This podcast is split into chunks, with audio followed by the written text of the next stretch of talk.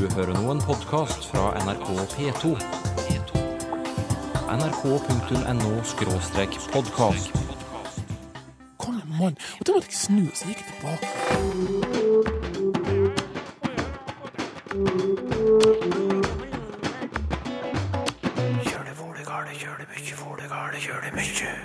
Det høflige zi står ikke lenger like sterkt i Tyskland. akkurat når man spiller sammen på golfbanen, da er alle dus.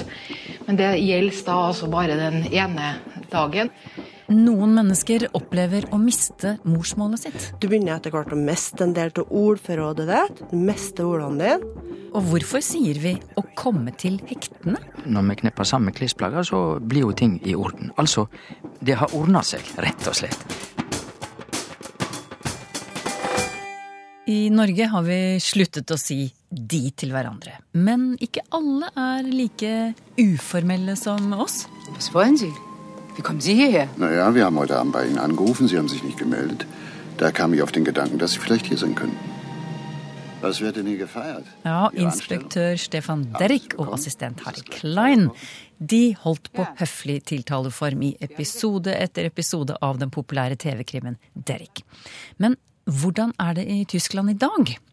Lytter Kjetil Raan skriver til oss og forteller at i tysktimen på skolen lærte han at man skulle bruke zi til alle voksne fremmede. Mens hans tyske kolleger, som er i 30-årene, de påstår at det høflige zi bare er for besteforeldregenerasjonen. For kort tid siden møtte jeg Steffen Høder, professor ved Skandinavisk institutt, Universitetet i Kiel. Og da spurte jeg ham om denne regelen Kjetil Raan lærte på skolen, fremdeles gjelder. Ja, jeg tror at den regelen fortfarande gjelder. Man skal si, si zi til alle man ikke riktig kjenner. Samtidig er det avhengig av alder, sier Steffen Høder. Så det har blitt vanligere å si du til alle som er i samme generasjon som en selv. Eh, kanskje opp til 30-årsalderen eller 40-årsalderen. Så når vi kommer som turister til Tyskland, så eh, er det den regelen vi skal følge da, eller? Ja, absolutt, det kan man. Altså, er man under, si, under 35 så kan man si du til alle som verker være under 35 også. Men, men praksiseres dette konsekvent i Tyskland i dag? Nei, ikke riktig. Alltså det beror litt på hvor man egentlig er, og hva det er for miljø. Uh, om man er på kneipe, altså om man er på en pub, så brukar man ju säga du till alla som, som kommer och till alla som jobbar där och sånt. Er är man på en fin restaurang så ska man säga si, eh, även om det är en, en ganska ung man som jobbar där eller en ung kvinna. Ja, allerede her kjenner jeg at det blir eh, litt av hvert å huske på hvis jeg skal dise og duse riktig neste gang jeg besøker Tyskland. Eh, Det kan jo gjøre det litt vanskelig å være en, eh, en grammatikktro nordmann som skal praktisere tysken sin, men det er enda mye verre for tyskerne selv.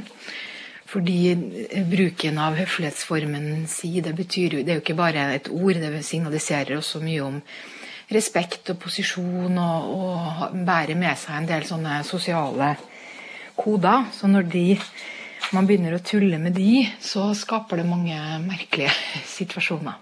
Det sier Ingrid Brekke, utenriksjournalist i Aftenposten, som selv har bodd i Tyskland. Og hun gir et eksempel på hvordan oppmyking av zi-bruken kan skape forvirring også blant tyskere. Ja, jeg snakka f.eks. med en eh, eh, tysk professor eh, som kunne fortelle meg at de hadde hatt besøk av en amerikaner i noen måneder. og Amerikanere er jo veldig uformelle, og plutselig var alle på fornavn og, og sa du, etter å i mange tiår alltid ha sagt si og vært på etternavn og hatt et strengt hierarki. Og det, Dette gikk liksom sin gang, men så reiste amerikaneren sin vei, og da visste de ikke lenger eh, ordentlig hvordan de skulle snakke med hverandre. Fordi alt det gamle de hadde vært vant til, var på en måte borte, og nå var årsaken til det forsvunnet. da. Så da ble det mye kløning og mye rart. I andre miljøer har man laget seg klare regler for å veksle mellom zi og do. Som engangsdo blant golfere. Jo, det er en slags eh, praktisk løsning på et stort problem, nemlig at eh, i idrettsmiljøet så sier man stort sett eh, do til hverandre, mens i finansmiljøet er et av de mest sånn konservative, og der sier man virkelig alltid zi. Og disse, nettopp disse to miljøene møtes da ofte på golfbanen, og det blir da stor forvirring. Så Derfor har man bestemt seg for at eh, akkurat når man spiller sammen på golfbanen, da er alle dus. Men det gjelder da altså bare den ene dagen, og neste gang når man møter hverandre eh, utenfor, da er man tilbake på de, hvis ikke liksom man har avtalt noe helt sånn spesielt. da. Det er en praktisk løsning på en litt sånn krøkkete situasjon. Ingrid Brekke føler seg særlig usikker på bruken av zi og do når hun er i Berlin. Hvor man har et slags ungt og hipt og kult eh, miljø som f.eks. driver kafeer og utesteder og frisører og sånn, og hvor man sier du til hverandre helt fra starten av. Ehm, så det er liksom en ny sånn relativt ny bølge i, i særlig i Berlin, da. Har du eksempel på en forvirrende episode du har opplevd, hvor det krøssa seg litt med si og do og ja? Ja, eksempel eh, Jeg skulle til frisøren, og da sa jeg jo eh, si. Fordi det var et voksent menneske jeg aldri hadde møtt før. Og sånn, og da sa hun veldig vennlig da, at, eh, at kan vi ikke heller eh, bare si do, for her dette er et uformelt sted, og vi legger liksom vekt på en sånn type tone. da. Men det betyr ikke at neste frisørsalong du går inn i har samme praksis. Steffen Høder minner oss på at når reglene går i oppløsning, så er det lettere å trå feil. Ja, om man bedømmer miljøen feilaktig, kanskje. Om man, om man, tror at man er i en mer avslappet miljø enn man i virkeligheten er, eller, eller um, enn motparten tror man er. Um, om man nå tror at det her er en uh, sånn bra pub, her kan jeg si du til alle, og sen viser det seg at det er et, fint sted eller et hipt sted hvor det er meningen om man skal si zi, så er det naturligvis feil. Hva kan skje da? Det kan, skje at man, det kan hende at man sier du til noen som man burde si zi til. Og problemet er at man ikke riktig kan komme steget tilbake da. Altså, har man begynt si du, kan man ikke gå tilbake til zi. Nei. Det går ikke riktig. Så sen får man hitta på en bra mulighet å reparere det, eller bare skjemte det, eller si det som det er, at oh, jeg, jeg gjorde feil. Altså, hva gjør vi nå? Så hva kommer det av at tyskerne ikke lenger tviholder på regelen om det høflige zi? Jeg tror det kanskje er en forsenet form for demokratisering som vi har hatt i de nordiske landene. Altså der har samme prosess jo bare vært snabbere og tidligere. Og det har kommet litt senere i Tyskland. Um, det kom nok i slutten av 60-tallet. Da begynte det i visse kretser og i visse miljøer. Og så har, sen har um, større deler av befolkningen overtatt det. Men journalist Ingrid Brekke, som snart skal til Tyskland igjen, hun foretrekker det gamle systemet med høflig tiltale. Jeg liker det veldig godt, fordi det ligger nettopp dette at man kan lettere forstå sosiale koder. Eh, at det er på en måte åpent, at man har hierarkier, og at man ikke er nære venner. Og, og man skjønner mer liksom forskjellen, da, og, og hvor eh, hvor, står, hvor, folk står i forhold til hverandre, og hvordan man tenker om hva som er å være nær og ikke være nær. Mens i, mens i Norge denne eh, at vi sier fornavn og du til absolutt eh, hvem som helst, det gjør jo Det er jo ikke fordi vi ikke har hierarki eller sosiale koder, de er bare mye vanskeligere å knekke for utenforstående, tenker jeg. Så, så for meg eh, som utlending i Tyskland, så syns jeg det er veldig greit. Veldig ryddig og, og ordentlig å ha det sånn. Det mente journalist Ingrid Brekke, som også skrev om dette temaet i Aftenposten tidligere i år. Steffen Høder er professor ved Skandinavisk institutt, Universitetet i Kiel.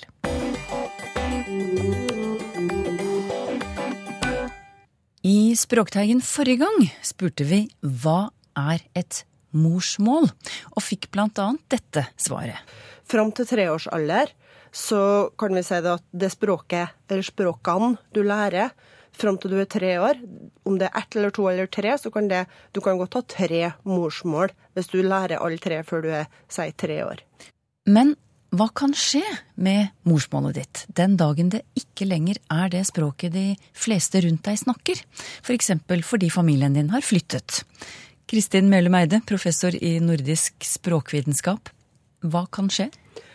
Det her er jo et forferdelig interessant spørsmål som eh, vi forsker på. Mange språkforskere i hele Norge, og, også vi på NTNU. Og det her kalles for attrisjon. Det at, eh, at eh, språket kan tapes eller erodere eller forsvinne. Og det syns vi er veldig spennende å forske på. Mm. Så det, det, er det, du, det, er det, du, signaliserer nå, at språket blir dårligere, og, og du kan miste det? Ja. Vi skal ta et eksempel. For du forsker bl.a. på eh, amerikanorsk. Og har vært over i USA og gjort opptak av norskamerikanere. Og hvordan gikk det med morsmålet norsk for de barna som vokste opp i slike utvandrerhjem, hvis vi kan kalle det det, da, i, i Amerika? Det kommer veldig mye an på hvor mye input de fikk i resten av sitt voksne liv. Men for veldig mange av dem her, så er det jo helt hjerteskjærende historier om at de, de begynner på skolen, de er sju år, og de kan ikke noe engelsk. Og noen av dem hadde med seg f.eks. ei storesøster eller ei tante som, som, kunne hjelpe dem å oversette, sånn at de skulle skjønne hva lærerinna sa, for de skjønte ikke et ord engelsk. Men så var det spesielt etter krigen, så var det sånn at uh, de fikk ikke lov til å snakke norsk i skolegården heller. Så det ble forbudt. Og dermed så er det en mulig kilde til input uh, der. Sånn at, og foreldrene deres var kanskje heller ikke veldig glad i å snakke norsk, så det var bestemor og bestefar som snakka norsk.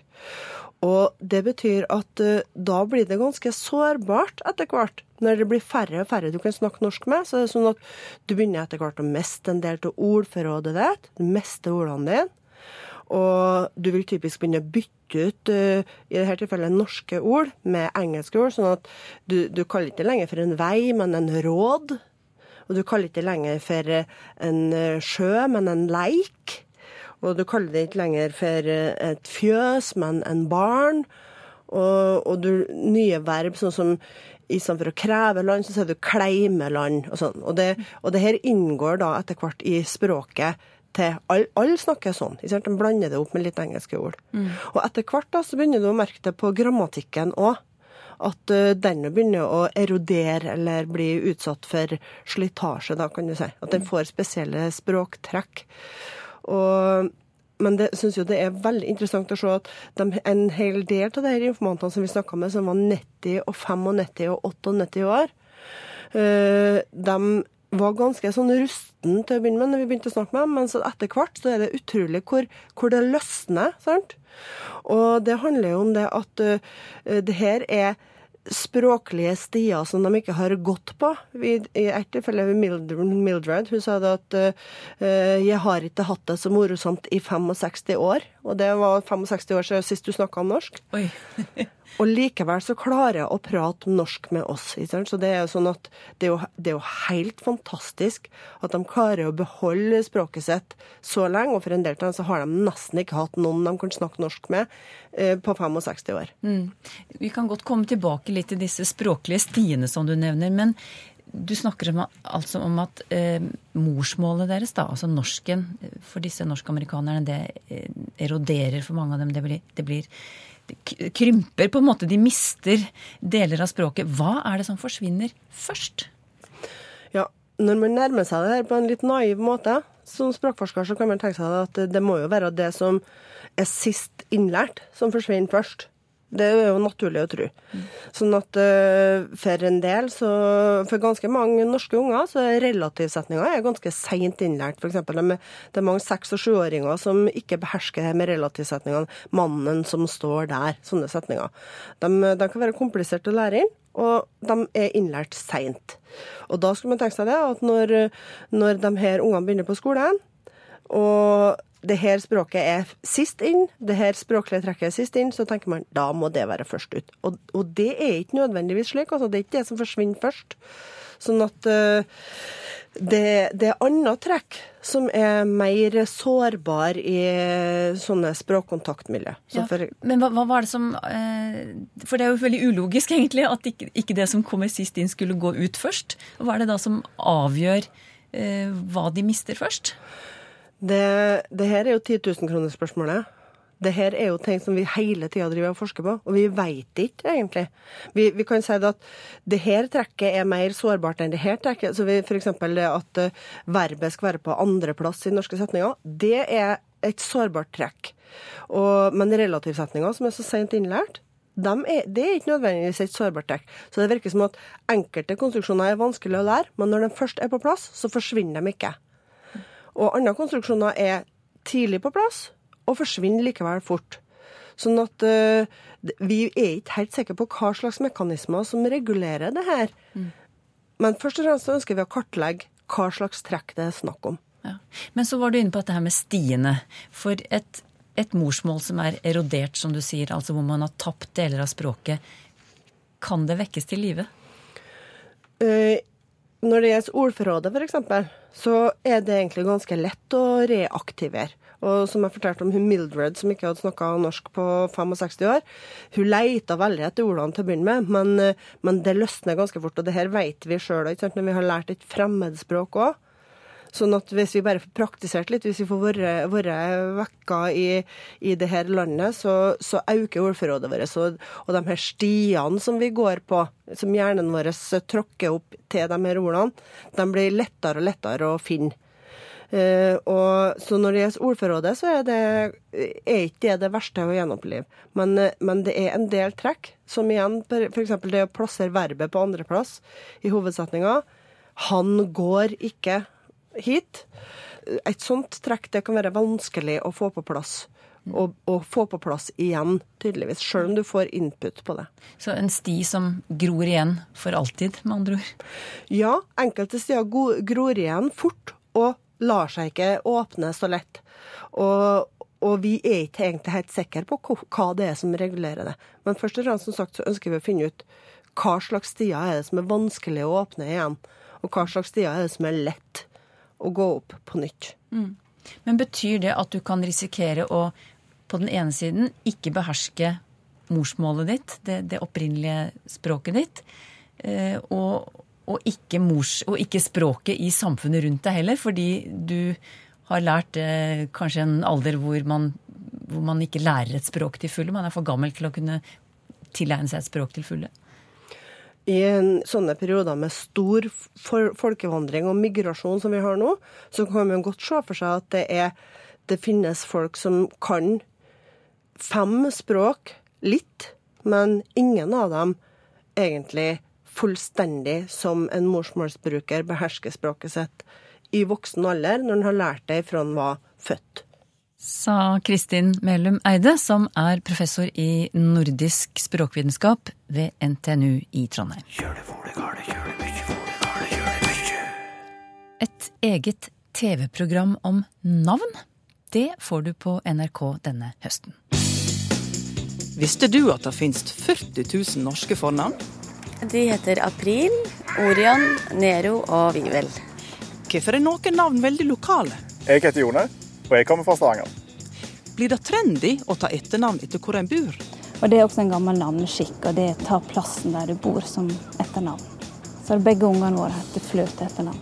Og hvorfor tror én av seks nordmenn at Ronny er kriminell? Å, han var sikkert slem. Tenker du det når jeg sier Ronny? Ja, i hvert fall sånn Kenneth, Ronny, Roy. Få med deg TV-serien Nomino hver tirsdag klokka 19.45 på NRK1. Vi må ta med noen brev fra lytterne i dag også, Sylfes Lomhaug. Yep. På Twitter spør Adam hvorfor sier man et ekteskap, altså intetkjønn, men én lidenskap, altså hannkjønn? For begge to ender jo på ordet skap. Nei, det korte svaret er at det er det vi gjør i norsk. Ekteskap er intetkjønn, og lidenskap er hannkjønn. Slik er det. Det kunne godt ha hatt samme kjønn. Og så er det slik at dette ordet skap tyder egentlig en tilstand, eller noe i den lei. Slik at eh, vennskap er tilstanden av å være venner, og lidenskap er tilstanden der det er liding, altså sterke kjensler med i bildet. Og at det både hannkjønn og inkjekjønn i moderne norsk skap det er ikke så rart, fordi at eh, det er tradisjon for at skap ha, kan ha begge eh, kjønn. Til og med det usammensette ordet ein skap, eller eit skap, altså et ord for form eller utsjånad, kan være både hannkjønn og, og inkjekjønn. Og så må jeg legge til at dette ordet skap, eller på nynorsk skåp, det er et helt annet ord.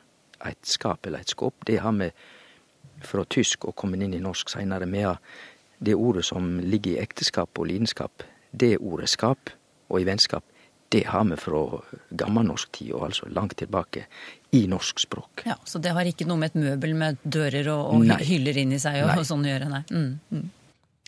Hilde Ljøen forteller at hun møtte en trøtt kollega ved kaffemaskinen en dag. Han hadde hatt en innholdsrik helg, og så sa han 'jeg prøver å komme til hektene'. Hva betyr forresten å komme til hektene, spurte han, men det klarte ikke Hilde Løen å svare på, eller hva det betød kanskje, men i hvert fall ikke hvor uttrykket kommer fra. Jo, eh, vi hører jo, jeg tror de fleste hører at på norsk, når vi sier at eh, vi er kommet til hektene, så betyr det at da har vi kommet ovenpå, vi, har, vi er kommet i orden. Og hekter er jo et ord for krok, altså en, en, en liten hake som vi bruker når vi skal kneppe sammen klesplagg. Eh, og da, når vi knepper sammen klesplagga, så blir jo ting i orden. Altså, vi det, det har ordna seg, rett og slett. Mm. Men du, jeg ser, jeg slo opp på, i bokmålsordboka på hekter og hektene og sånn, og da har de en liten setning om at i ut, uttrykket 'å komme til hektene' så står det i parentes 'av hekter' i betydning penger. Hvordan får du det Ja. til å passe inn i dette her? Og det kommer fra dansk, at eh, Og det er jo samme ordet på dansk som på norsk, men på dansk har de òg etter hvert fått et eh, fast uttrykk der å komme til hektene, det var å få nok penger, altså å komme ovenpå økonomisk. Men det er jo ikke det som er sjølve utgangspunktet for eh, uttrykket. Det må sjåast på som ei sekundær utvikling, altså som også gir mening, som, men som er veldig spesifikk. For at eh, hekte er et ord opphavlig for penger, det er det jo ikke. Mm. Du, jeg hekter på en liten, et lite Ja. spørsmål eh, fra Jan Arvid Refseth her, med glimt i øyet. Han skriver når man går fra konseptene og kommer til hektene, hvor langt har man gått da? Ja, det kan du si. Konseptet er jo eh, forestilling, et begrep, eh, som vi har i hovudet. Det er et fremmedord for tanke eller begrep eller forestilling. Og hvis du forlet tankene dine i hovudet, altså da da eh, mister du besinnelsen, som det heter på bokmål. Og så eh, Da er det jo viktig at du får fornuften tilbake, at du kjem til hektene igjen. Og hvor lang avstand det er mellom de to, det får hver og en kanskje tenke, tenke seg selv, jeg vet ikke. Og jeg tror også at eh, hvor lang den avstanden er, kan variere fra person til person. Espen Tonning spør hvorfor det heter hestehandel. Kunne det like gjerne vært handel med andre husdyr eller varer? Nei, for dette uttrykket på norsk, hestehandel og en hestehandler, det har tradisjon. Og det er ganske typisk at i våre dager så er ikke det alle som heilt presist forstår uttrykket, kanskje hestehandel. Eh, I 2013 så var det ei politisk sak i Oslo, og det var snakk om eh, Tøyen og Munch-museet som skulle flyttast, og da vart det jo skrevet i eh, avisen at det vart gjort en politisk hestehandel, der Tøyen skulle få noe i, til erstatning for at de mista Munch-museet, og jeg vet ikke om du husker dette enn. Men da var det en del folk som bodde i området, i innvandrermiljø, og de snakka fullkomment norsk, men de spurte hva er hestehandel, hvorfor bruker de det ordet?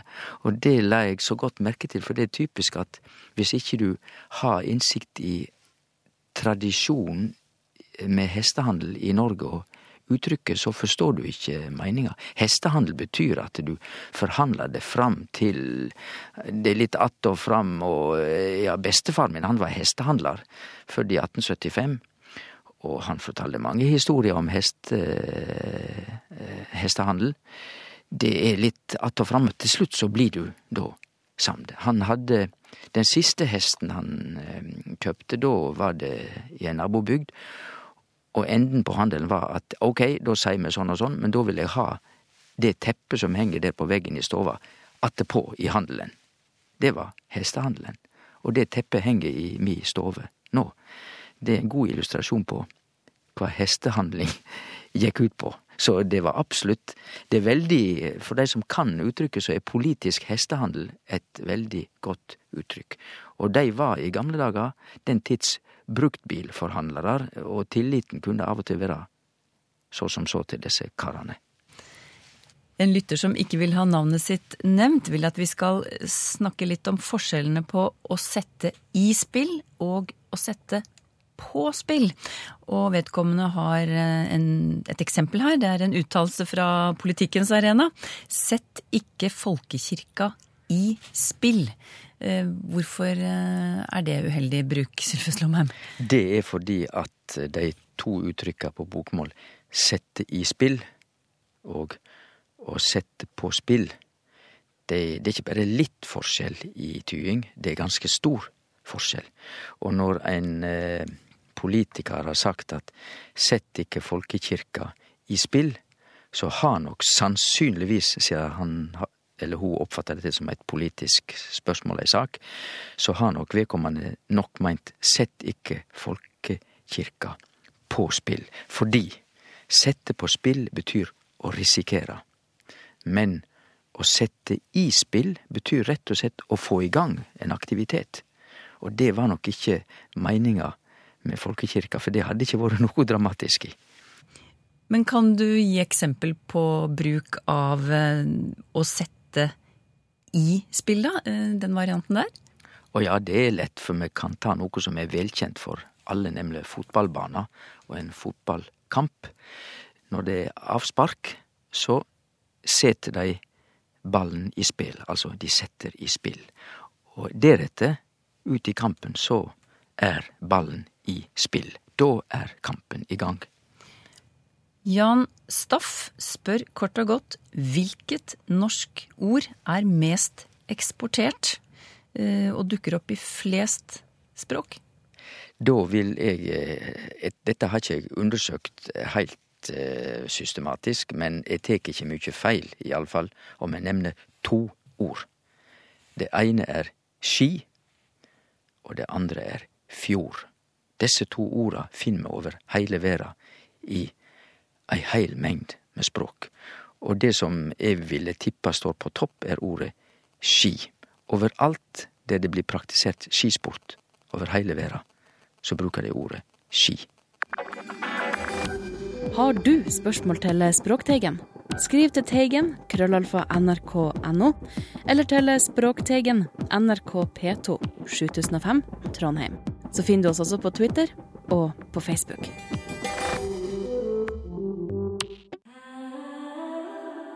nrk.no podkast.